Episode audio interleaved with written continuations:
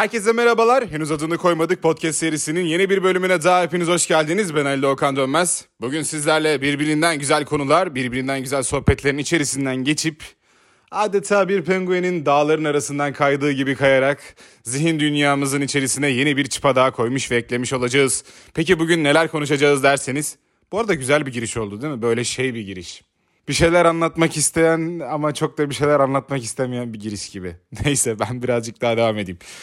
Bugün neler konuşacağız derseniz 2008 yılında gerçekleşen ve Türkiye'de gerçekleşen belki de Türkiye'nin en büyük soygunu olduğunu düşündüğüm bir soygundan bahsedeceğim sizlere. Gerçek bir hikaye bu arada. Oradaki derinlikleri anlatacağız. Arkasından bu konuyla alakalı olarak birkaç film önerim olacak. Ve onun da arkasından çok üzünlü bir parça bizlerle beraber olacak bir aşk hikayesi. Ve hiç tanımadığımız biri için gözyaşlarımız selse olacak bu parçayla beraber öyle inanıyorum. Bu parçayı dinlemenizi, tekrar tekrar dinlemenizi şimdiden önereceğim. Çünkü bu bir görev. Peki o halde yavaş yavaş koltuklarınızı ayarlayın. Kulaklıklarınızı, hoparlörünüzü artık nerede dinliyorsanız oranın ses düzeyini ayarlayın. İçeceğinizi, çayınızı, çorbanızı başka bir meşrubat da olabilir neyse onu yanınıza alın. Yavaş yavaş başlayalım.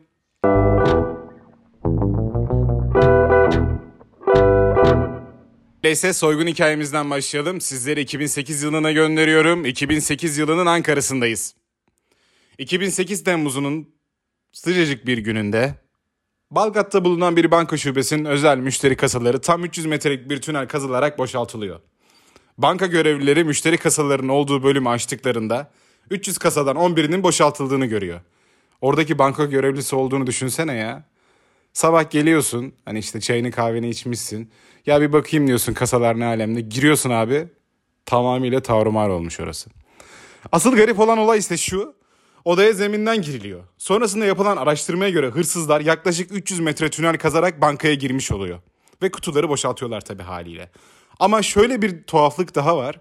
Onlarca kutu arasından yani tam 300 kasa olduğu söyleniyor. Sadece 11 tanesinin boşaltılması. Ekip kaçarken tünelin içinde kurdukları iskeleleri de yıkarak geri doğru kaçıyorlar. Ve böyle olunca da ulaşması tabii geriye doğru daha da zorlaşıyor. Polis yetkilileri bu tünelin ancak 2,5-3 ayda çalışılarak kazılabileceğini açıklıyor.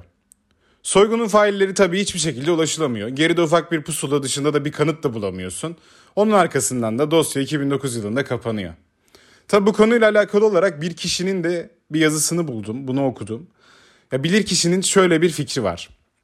Bir kere inanılmaz profesyonel bir ekiple karşı karşıyayız. Aylarca tünel kazıyorlar. Etraftan gören duyan yok.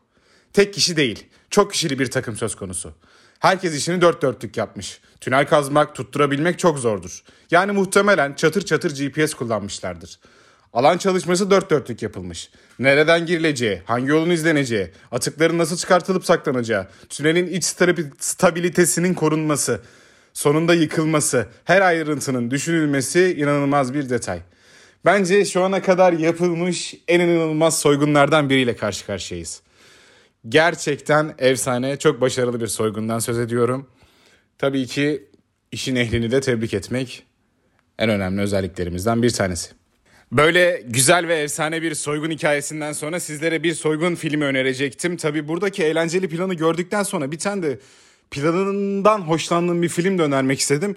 O yüzden bugün şans... şans şans o yüzden bugün şanslısınız ki birbirinden güzel iki film önerim sizlerle beraber olacak. O zaman ilk film önerimle başlıyorum. İlk filmimizin adı The Stings.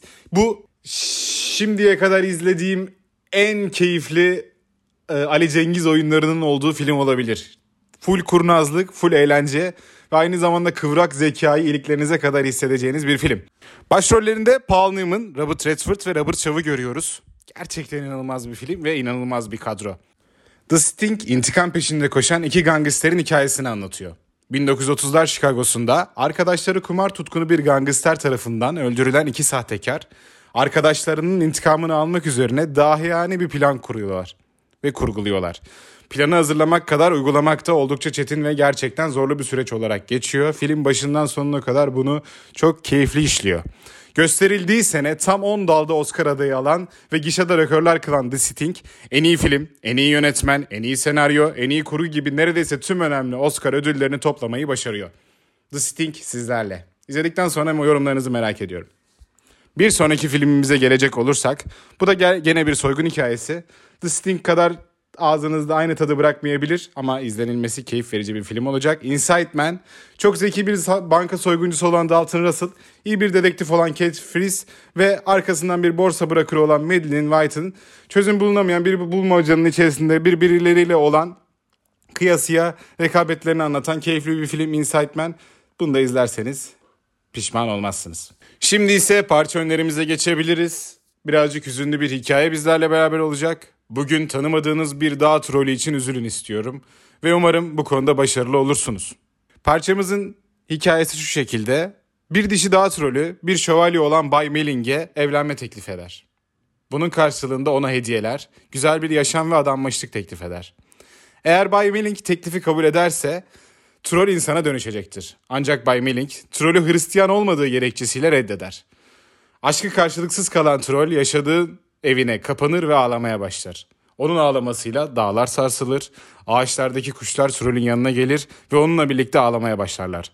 Fakat trollün gözyaşları sonsuza kadar hiç dinmez. Dağ trollümüz hala da ağlanıldığı ve ağladığı rivayet edilir. Bu arada şarkının birden fazla versiyonu var. Ben en çok hoşuma giden versiyonu sizlerle paylaşacağım. Tabii ki siz dinleyip beğendikten sonra kendi hoşunuza giden versiyonunu bulup dinleyebilirsiniz. Tabii ki size ana yemeğin ne olduğunu önerebilirim ama içine hangi baharatları katacağını siz tercih edeceksiniz. O yüzden sizin versiyonunuz, sizin şarkınız, sizin hikayeniz. Buraya bir yerlere bırakıyor olacağım şimdi parçayı.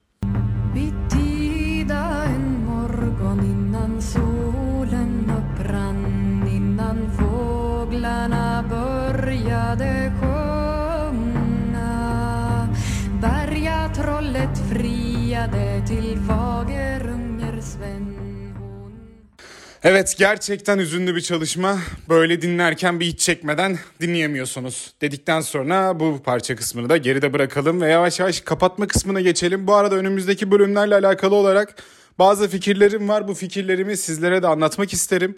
Bundan sonrasında her ayın sonunda veya işte yeni bölüm çektiğimizde o döneme dair gelişmeler hakkında da konuşmak isterim. İşte teknolojik gelişmeler olabilir o aya çıkacak olan filmler olabilir, diziler olabilir.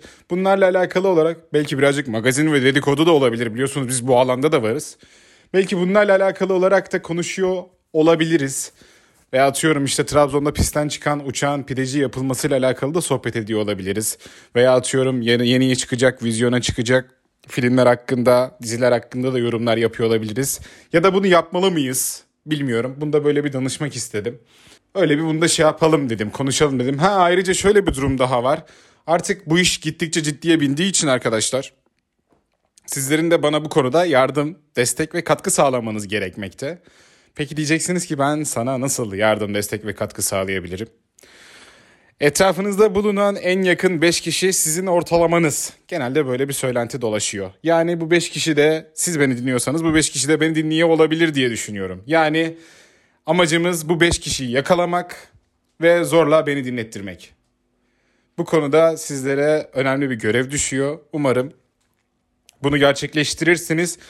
Ayrıca şöyle bir ödeviniz daha var. Etrafınızdaki her an bir gibi yerin nasıl soyacağınıza dair bir şeyler yazmanızı ve bunu kafanızda ve zihninizde planlamanızı istiyorum. Ben size güzel soygun hikayeler anlattım. Filmleri izledikten sonra bunu yapabileceğinizi de düşünüyorum ayrıca. Neyse daha fazla boş yapmadan, boş yapmak kabi tabir oldu. Daha fazla vaktinizi almadan yavaş yavaş kapatalım. Kendinize çok iyi bakın. En iyi filmler, en iyi yemekler, en iyi müzikler sizlerle beraber olsun. Tekrar görüşünceye dek hoşçakalın. Görüşürüz.